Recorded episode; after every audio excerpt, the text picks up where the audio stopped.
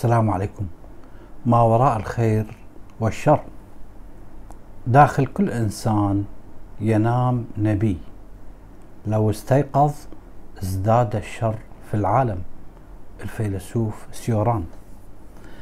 في البداية كان الفلاسفة ما قبل سقراط كل اهتمامهم بالتأمل الكوني بوجود هذا العالم. ما هو أصل الكون؟ ما هو الوجود؟ ما جوهر الوجود؟ وما مصير هذا الوجود. بالتالي كانت المعرفة كل اهتمامها بالكون وتفسيره هي الأصل. إلى أن جاء الفيلسوف سقراط وعمل نقلته الكبرى الأساسية قام بإنزال الفلسفة من السماء إلى الأرض فسعى إلى تحويل اهتمام الفلسفة من المسائل الكونية إلى المسائل الإنسانية وكان شعاره أعرف نفسك بنفسك في البداية أذكر حادثة لها علاقة بالموضوع الخير والشر. ففي سنة 1988 كنا جنود في مركز تدريب مشاة الحلة وكان التدريب جدا قاسي ومزعج. فجاء أحد الضباط آه، ويريد أن يأخذ مجموعة من الجنود إلى حيث لا نعرف. وكنا كلنا آه، نرفع ايدينا من أجل الذهاب مع هذا الضابط الذي كان ينظر في الوجوه من أجل ان يختار الاشخاص الذين يريدهم. فكان ينظر في الوجوه ولم يختار أي أحد. ثم تكلم مع الضابط مسؤول أو نائب الضابط المسؤول عن الفصيل وذهب. أخبرنا نائب الضابط المسؤول عن الفصيل إن هذا الرجل أو هذا الضابط كان يبحث عن وجوه حقيرة وجوه شريرة. لماذا؟ لأنهم يريدونهم أن يذهبون بهم إلى أماكن ومؤسسات حقيرة. مؤسسات تبحث عن أشخاص انكشاريين. ربما يبصقون عليهم ربما يطلبون منهم أن يصفعون آبائهم. ممكن أن يعملون بهم أي شيء حتى يكونون ناس حقيرين. ممكن أن يضعوهم في أماكن مثلا كتائب الإعدامات. للهاربين من الجيش تعذيب المساجين الفتك بالشعب بأكمله. فكان هذا الضابط متفرس بحيث إنه ينظر في الوجوه يستطيع أن يعرف الأشخاص الشريرين من وجوههم. بالتالي عندما عرف إنه كليتنا خريجين معاهد وكليات تركنا وذهب إلى أناس آخرين. خبرة هذا الضابط في معرفة الأشرار من وجوههم. بالتالي الأنظمة المستبدة يتم فيها أضعاف القيم والأعراف الاجتماعية والأخلاق الخيرة. بالنتيجة راح يتم تخريب نظام الردع والحماية الذاتية الموجود داخل الإنسان. الأنظمة المستبدة تولي اهتمام كبير للأجهزة القمعية من أجل أن تفرض قيمها وتوجهاتها على المجتمع لا أكثر ولا أقل. لأن كل القائمين على هاي الأجهزة القمعية من رئيس الجمهورية إلى الوزراء إلى قادة الجيش إلى المؤسسات بأكملها الموظفين الجنود هم أناس كلهم من قاع المجتمع. حثالات المجتمع وصعدوا إلى القمة. وحتى لو كان فيهم إنسان ساذج فالدولة كفيلة بأن تحوله إلى آلة شر. بالضبط مثل أحمد زكي في فيلم البريء. كل دولنا وحكوماتنا وغالبية شعوبنا يفتقدون لنظام الردع الذاتي لنظام الحماية الذاتية. ولا يؤمنون بالقيم السوية بالقيم الخيرة. لماذا؟ لأن فعل الشر كان هو الأداة المسيطرة في الدولة. بالتالي ماذا سينتج لك من شعب؟ هؤلاء الأشرار عندما استولوا على السلطة وبدأوا يتحكمون بمقدرات المجتمع وهم أناس أشرار بعثيين أو إسلاميين تكارت أو غيرهم. راح ينتجوا لك مؤسسات قمعية راح تنهار الأخلاق والقيم بالمجتمع جهاز الأمن الخاص المخابرات الأمن العام وغيرها. ممكن أن يتحكم بحياتك إنسان ما قاري كتاب واحد. بالتالي راح نعرف بالمختصر أن الدولة تريد حثالات. الدولة لا تريد علماء ولا تريد ناس عباقرة ولا ناس ممكن يخدمون هذا البلد. تريد ناس سمع وطاعة. ناس أشرار. دولة شريرة وتبحث عن الأشرار. على العكس من الأنظمة الديمقراطية في العالم الحر تسعى لترسيخ مفاهيم الحب والتسامح والخير بين أفراد المجتمع. هاي الدول راح تستند على القيم. والأعراف الاجتماعية السوية الداعية لقيم أو للأفعال الخيرة من أجل تعزيز نظام الحماية والردع الذاتي من أجل تقوية وسائل الردع للدولة عن طريق القانون والعقوبات من أجل الحفاظ على أمن واستقرار المجتمع. تريد أن تعرف الشر في مجتمعك؟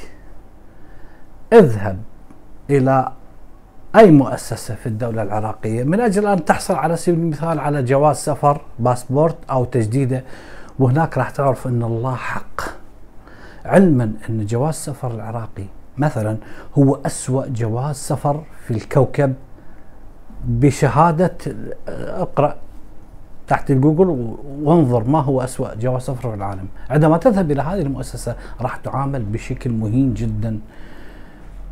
مع العلم إن العراقي ما يحتاج جواز سفر أغلبهم يأخذ جواز سفر فقط للذهاب إلى تركيا وهناك يمزقه ويذهب إلى أوروبا.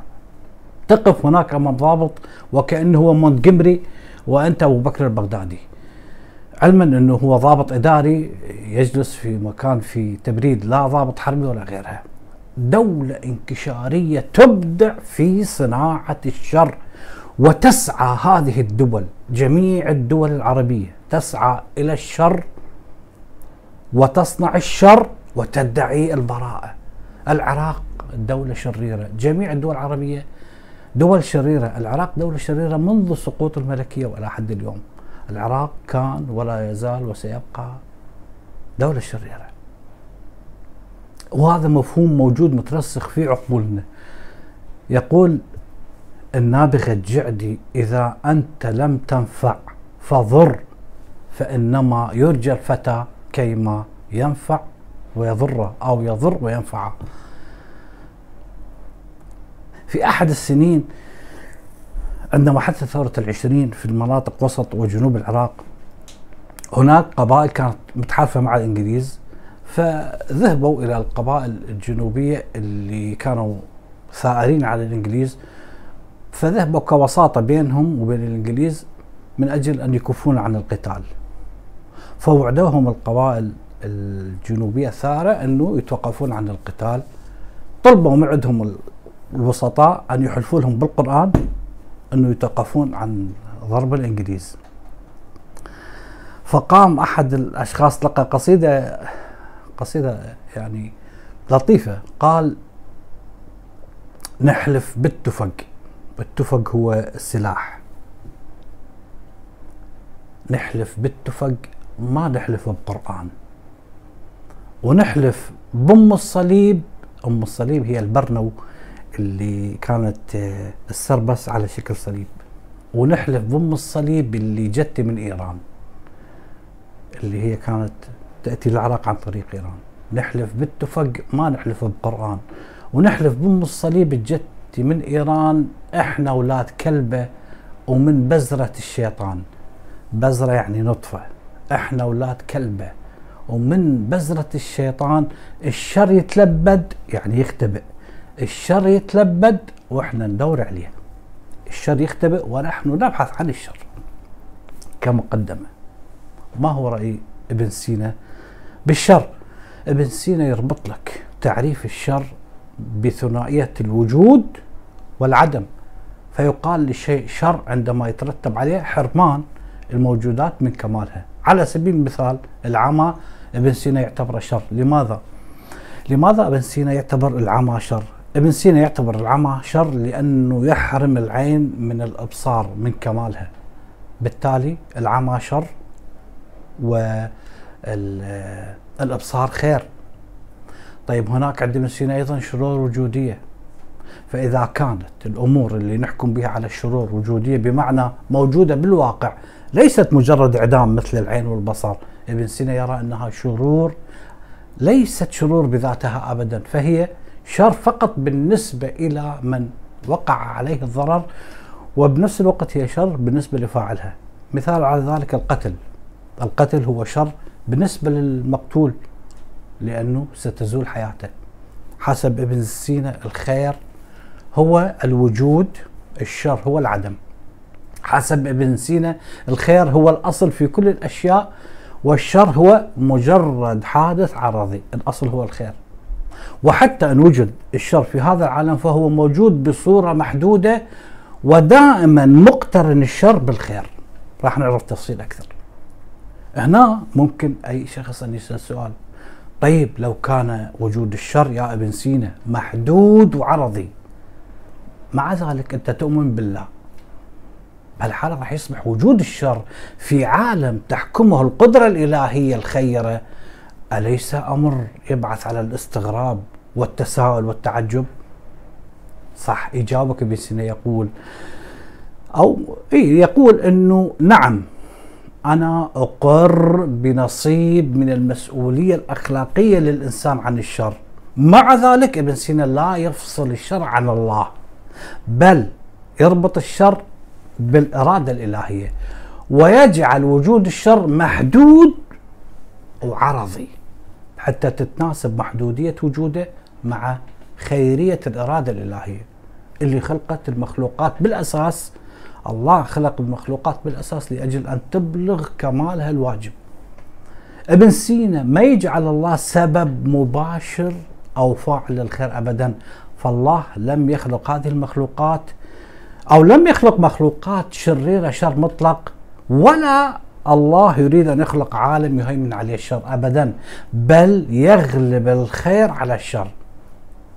كما لو أن الله قصد من البداية أن يخلق هذا الوجود يخلق وجود خير ما يخلق إلا مخلوقات خيرة. لكن الضرورة اقتضت الضرورة اقتضت أنه لا توجد هذه الموجودات ولا تدوم خيريتها إلا بأن يعرض عليها بعض الأفعال الشريرة. بالتالي ابن سينا ما ينكر. ابن سينا يعترف أن الله مريد للشر ومقدر له لكن ليس بالأساس بشكل عرضي وليس بإرادة ابتدائية. بالضبط مثل ما اللي صنع لك السيارة مستفيدين من عندها. اللي صنع السيارة ما متقصد أنه يصنع سيارة وحوادث يموتون سنويا مئات الآلاف من البشر. اللي صنع السيارة صنعها من أجل من أجل تسهيل الحياة. نفس الشيء اللي اخترع الكهرباء. ما اخترع الكهرباء حتى ننتل ونموت حوادث آلاف البشر يموتون سنويا. اللي خلق اللي اخترع الكهرباء اخترعها من أجل شيء خير لكن عرضيا تأتي الشرور من الكهرباء. بالتالي الإنسان مسؤوليته الحكومة الدول مسؤوليتها تقليل الشر من من من حوادث السيارات ومن الكهرباء حتى تصل إلى مستوى الكمال. المسؤول عن الشر اذا ليس العلة الفاعلة الله ابدا بل العلة القابلة أي الأشخاص والموجودات. فمهمة الدولة أنه عندما وجدت السيارة تضع طرق صحيحة إشارات مرورية قوانين عقوبات من أجل تخفيف حوادث السير. بالتالي سبب الشر بالأساس أنه المادة اللي هي أصل الوجود لا تقبل أبدا كمال مطلق أبدا. بل أنه هاي المادة اللي خلقها الله لحق الشر بها. لماذا؟ بسبب بعض الأشياء اللي أثرت في ابتداء تشكل هذه المادة. بسبب المؤثرات الخارجية اللي منعت عن الوجود الكمال المطلق يعني الكمال فقط لله. بالتالي الشر يحدث ليس بوصف أمر الله خالقه أو أمر وجودي صادر عن الله حسب ابن سينا ابدا اللي ما يصدر عن الله فقط إلا الخير والكمال ومثل ما ذكرت المثل السيارة اللي صنعها أول شخص ما كان قصده إنه يصنعها وتحدث حوادث ويموتون آلاف الناس. الشر مع ذلك صادر بموجب الحكمة الإلهية وهو ليس أمر منفلت ابدا وإن كان غير مقصود لذاته فهو مقصود لأجل السير العام للموجودات. ولو لم يحدث لن تحصل كل الموجودات على كمالها الواجب. مثلا غرق الناس في الماء هو نتيجة عارضة وليست نتيجة أساسية لكنها أمر لازم. لماذا؟ لأن لا يمكن أن الله لا يخلق الماء حتى الناس لا تغرق.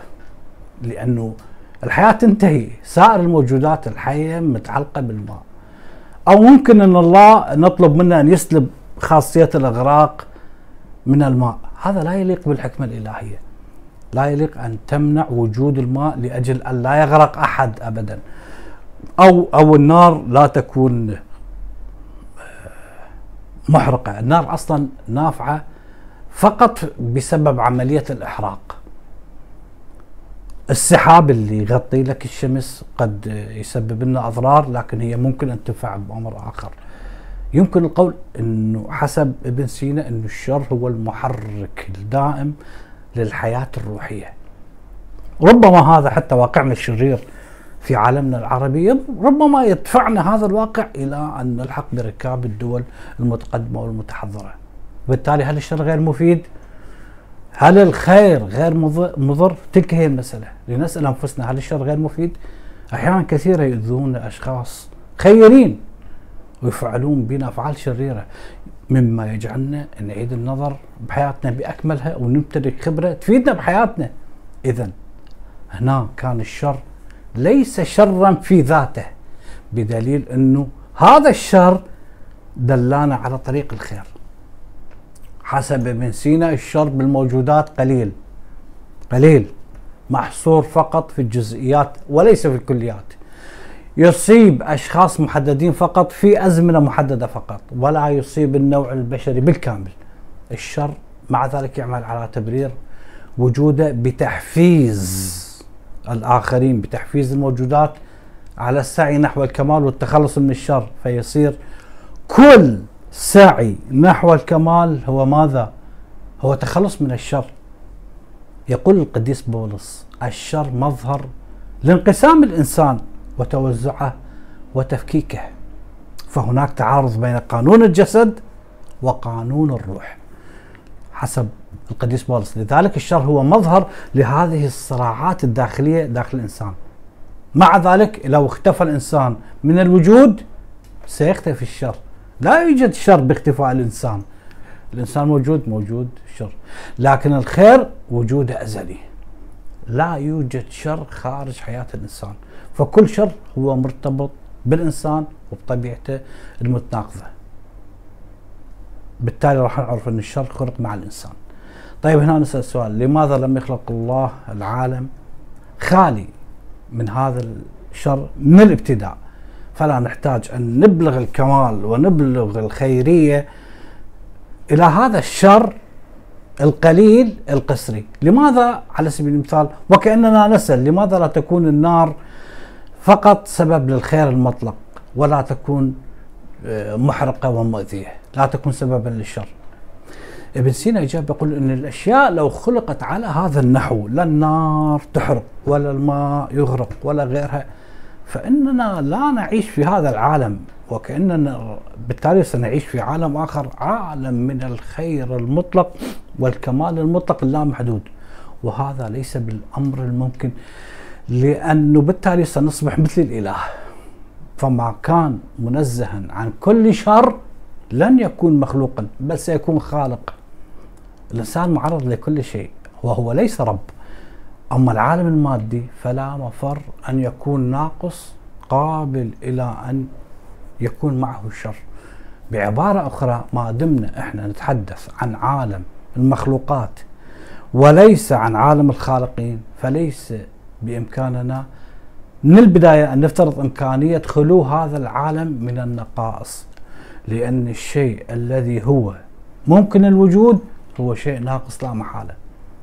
بالتالي نحن اذا لسنا مخيرين في هذا العالم بين خير تام وشر تام ابدا بل بين عالم أكثر شرا وعالم أقل شرا. ممكن تلاحظ الآن كيف نعيش إحنا في مجتمعاتنا شر كثير وكيف هناك دول مثل اليابان تعيش في شر قليل. لكن لا يوجد خير مطلق ولا شر مطلق. بالتالي إحنا نعيش حسب ابن سينا في العالم الأقل شرا بالمطلق. فضلا عن أنه انتفاء وجود الشر مثل ما ذكرت هو يجعل من سعي الموجودات الممكنة نحو الكمال نحو الخير أمر بلا معنى. فوجود الشر حسب ابن سينا هو الدافع للنفس أن تسعى دوما إلى التخلص من النقص ومن العدم. فبالتالي راح يبدو أن الشر غير مفهوم وغير مستساغ. لو نظرنا إلى من زاوية عاطفية غير عقلانية اللي هي زاوية طموحات الإنسان وأماني. راح يبدو غير مبرر هذا الشر من زاوية علمية تجريبية ما تأخذ بالحسبان غائية الطبيعة. راح يبدو هذا الشر غير مبرر إذا نظرنا إلى من زاوية أخلاقية وضعية ما تراعي حرية الإرادة. لكن عندما ندرج الكل ضمن رؤية ميتافيزيقية راح تنضبط الدلالة وراح تزول التناقضات. ابن سينا مع ذلك يؤمن بالعدل في نظام الوجود. يؤمن بالخير المحض من واجب الوجود فلا يقع في الدنيا ظلم ظاهر ابدا إلا إذا كان له وجه باطن من العدل. ولا يجري الشر إلا في مجرى الخير ولا تنتهي الأمور إلا إلى أفضل النهايات. حسب ابن سينا. فيلسوف آخر كانت ما هو رايه في الخير والشر؟ الفيلسوف كانت يذهب إلى أن الشر الأخلاقي هو كل فعل يسبب الحاق الضرر بالآخرين. شريطة أن يكون ذلك الفعل متعارض مع القوانين الأخلاقية. حسب كانت الإنسان بطبيعته يحمل في ذاته ميل نحو تغليب الأفعال اللا أخلاقية على الأفعال المنسجمة مع القانون الأخلاقي. بالتالي الشر حسب تعريف كانت هو ذلك الميل المتجذر نحو الشر في الطبيعة الإنسانية. يقول كانت الإنسان شرير بطبعه. لكن كانت هنا ما يقصد مثل ما يقصد الفيلسوف توماس هوبز اللي يعتقد إنه الإنسان ذئب لأخيه الإنسان. إنما يقول لا الإنسان يتضمن في طبيعته ميل نحو الشر وليس الشرير بالمطلق. وهذا الشر هو شر جذري. لماذا؟ لأنه يفسد كل الأسس الأخلاقية الموجودة عند الإنسان وهو شر كوني. لماذا؟ لأنه يتعلق بجميع الجنس البشري. لكن هاي الجذرية بالنسبة للشرع كانت ما تعني أن الشر مطلق أبدا لأن كانت مع ذلك لا يلغي إمكانية فعل الخير أبدا. فالإنسان هو واحدة من يتحمل مسؤولية أفعاله فقط اللي تتعارض مع القانون الأخلاقي. بالتالي مجال الشر مجال الشر حسب الفيلسوف كانت هو مجال الحرية مجال الأفعال الحقيقية والواقعية حسب كانت. إذا كل أفعالنا الشريرة هي نابعة منين؟ من ميلنا إلى الغريزة وتغليب تلك الغريزة آه، على العقل. تغليب الغرائز على الفكر. وبالضبط هذا اللي فعله أبونا آدم عندما ارتكب الخطيئة الأولى اللي تتعارض مع التشريع الإلهي. لكن الفرق بيننا وبين خطيئة آدم هو أنه آدم انتقل بذلك الفعل المتعارض مع القانون الإلهي من حالة البراءة على اعتبار أنه لم يرتكب خطيئة سابقة هي الخطيئة الأولى. ارتكب من حالة البراءة ارتكب الخطيئة الأولى. وهذا اللي نسميه حالة السقوط. أما إحنا البشر فننتقل بأفعالنا الشريرة من الخطيئة الألف إلى الخطيئة الألفين الخطيئة عشرة آلاف وهكذا إلى الأبد.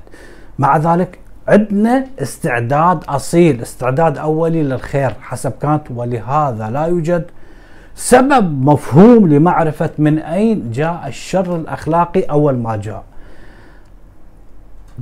مع ذلك إحنا نعرف إنه كانت يقول صعب أن نعرف الشيء في ذاته بالتالي راح نعرف ان الخير والشر هما من الأمور النسبية عقليا صح. وقال أيضا إن وجود الخير كقيمة مطلقة هو من المسلمات. فالبشر جميعا ينزعون للسلام للمحبة للخير للجمال للصدق. ولكن البشر يختلفون مع ذلك في أدواتهم اللي قد تكون شريرة اللي قد تكون عكس غاياتهم. حتى يقعون في شر اعمالهم ينسون الغايات النبيلة اللي يسعون من أجلها. فالإنسان في داخله يوجد شر يوجد أصل للشر وهذا الشر اللي داخل الإنسان هو موجود بطبيعته يعني الإنسان شرير بطبعه. مع ذلك الإنسان يعرف القانون الأخلاقي لكنه من حيث هو كائن حر فالإنسان يتصرف على نحو مخالف لذلك القانون. كانت حاول تأسيس أطروحة الإنسان شرير بطبعه نقدا لمحاولة جان جاك روسو اللي يقول الإنسان خير بطبعه. تتذكرون إنه جان جاك روسو كان يقول عند أطروحة إنه الإنسان خير بطبيعته وإن الشعوب البدائية كانت تعيش في محبة وسلام وخير وود. كانت عاكسه واستمد أمثلة من شعوب بدائية عاشت مآسي في عصره. بل حالات إبادة بدائية جدا. لا تعود لا لقرارات سياسية ولا حروب دينية وغيرها فهؤلاء الناس كانوا مدفوعين بشر. يعني بالضبط أنا ما أعرف كانت يقصد هاي لو ما يقصدها يعني إحنا نعرف ال Homo sapien جدنا قضى على أخوه نياندرتال نياندرتال قبل 300 ألف سنة بالكامل. هذا حتى قبل الإنسان البدائي. مع ذلك يأكد كانت أنه من وجهة نظر أخلاقية الإنسان هو أما خير وأما شرير ومن الضروري أن يصبح كذلك بفضل إرادته اللي تجعل منه خير أو تجعل منه شرير. الإنسان يميل دائما نحو الخير رغم أنه يحمل بداخله طبيعة شريرة. سلوك الإنسان أفعال الإنسان يحملان كلا الصفتين الخير والشر معا مما يعني أن سلوك الإنسان متناقض أم لا؟ نعم. متناقض. طيب كيف نتخلص من هذه الشرور؟ كيف نصل إلى مرحلة نقلل بها الشرور؟ ثورة دينية. كانت كان يسعى إلى عقد الأمل. في ثورة دينية جذرية في الطبيعة البشرية تخلصها من الشرور أو تقلل من تلك الشرور. تخلص الإنسان من قلق الوجودي من طبيعته السيئة من ميوله الدائمة نزوعه إلى الشر والأفعال الشريرة. كان يؤمن كانت أنه كونية الشر وانغرازة في الطبع الإنساني ما يعني أبدا أنه هذا الشر مطلق أو قدر محتوم لا مفر منه. بل نعم يمكن أن نتجنب هذا الشر عن طريق إصلاح أخلاقي للأفراد وللجماعات عن طريق السعي نحو دين واحد شريطة الاقتداء بالعبادة الصحيحة. أين كانت بعد أن نخلص هذا الدين الترهات والسخافات والخرافات اللي تحيط به والشوهة فالإنسان الأمثل في من وجهة نظره. نعم ممكن أن يوجد وممكن أن نقتدي به. والحقيقة أنه توجد يعني مثال أنا دائما تطرقت له بحلقات أخرى.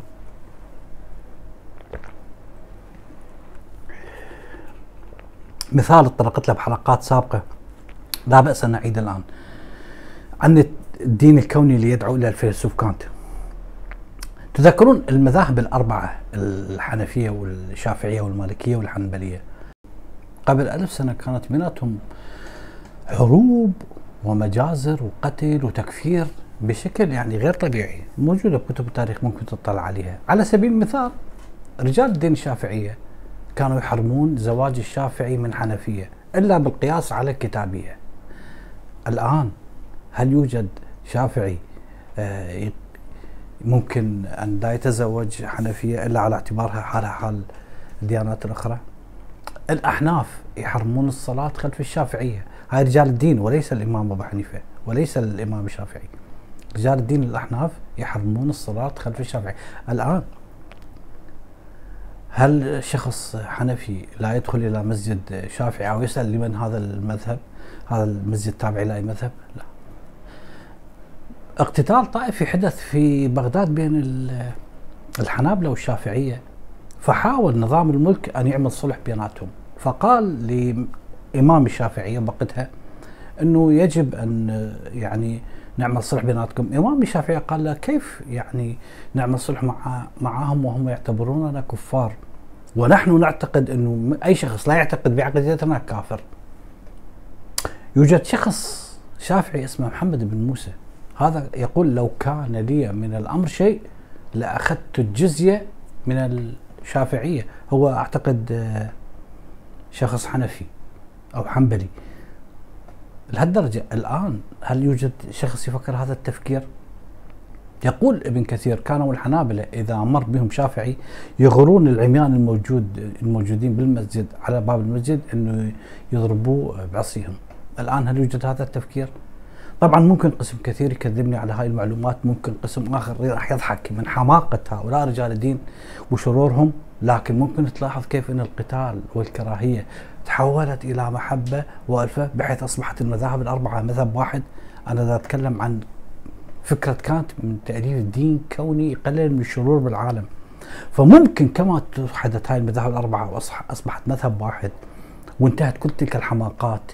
ممكن أن نأسس دين واحد بالمسلم واليهودي والمسيحي الديانة الإبراهيمية الوحدة.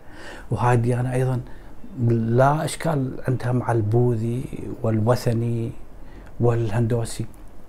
يصبحون كلهم دين واحد مثل الأمم المتحدة مع احتفاظهم بأصولهم الدينية. فهاي هي الفكرة اللي كان يدعو لها كانت. الختمة مع نيتشه.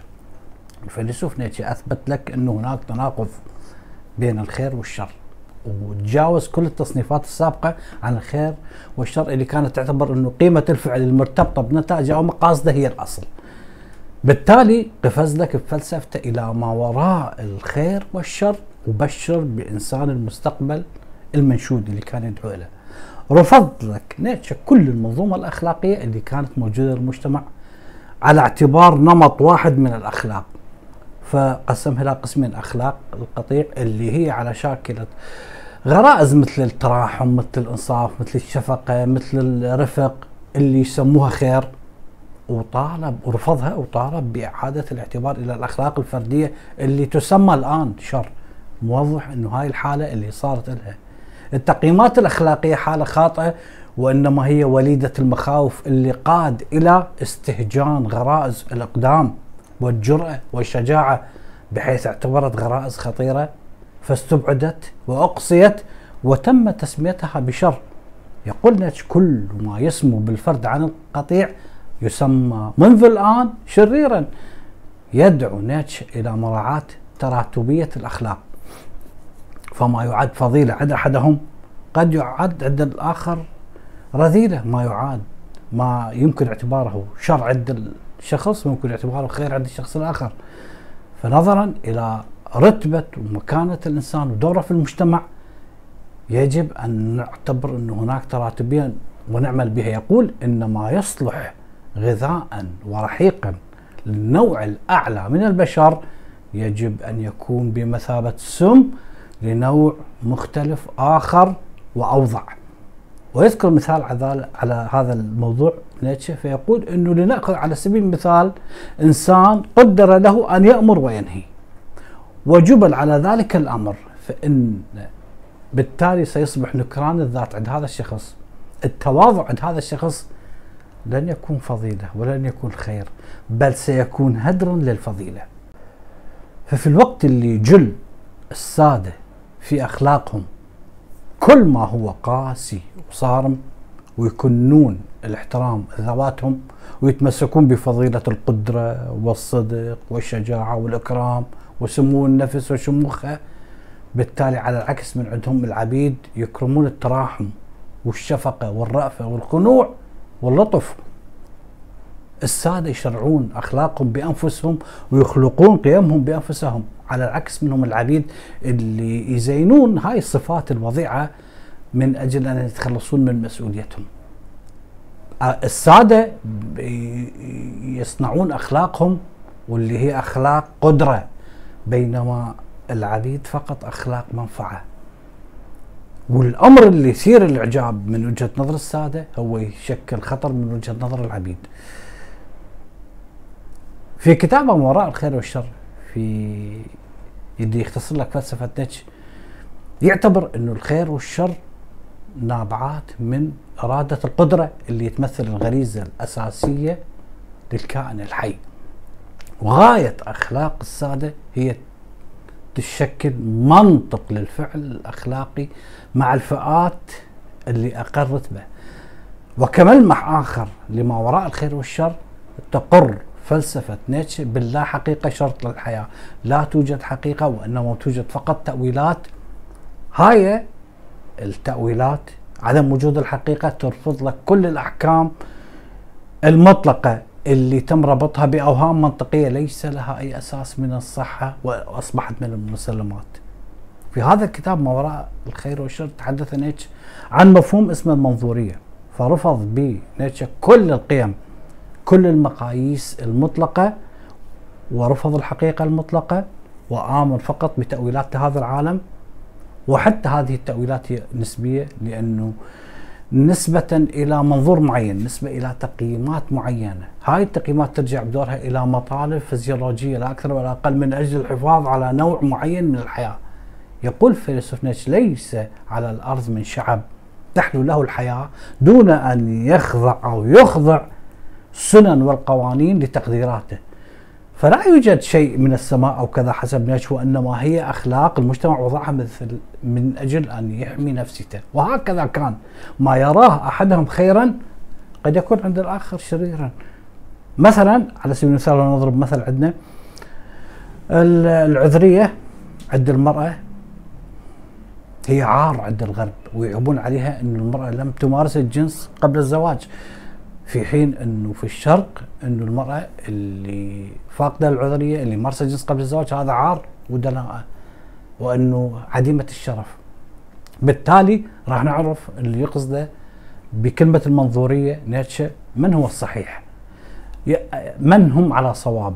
بالتالي كلام نيتشه هو أنه آه كل شعب كل مجتمع ينظر من وجهة نظره الخاصة.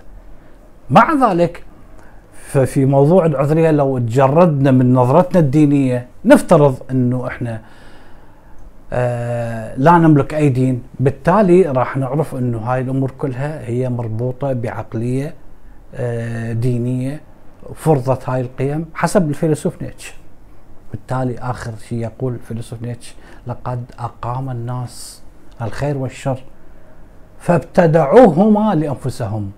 وما اكتشفوهما وما أنزل عليهما بهاتف من السماء. شكرا لكم.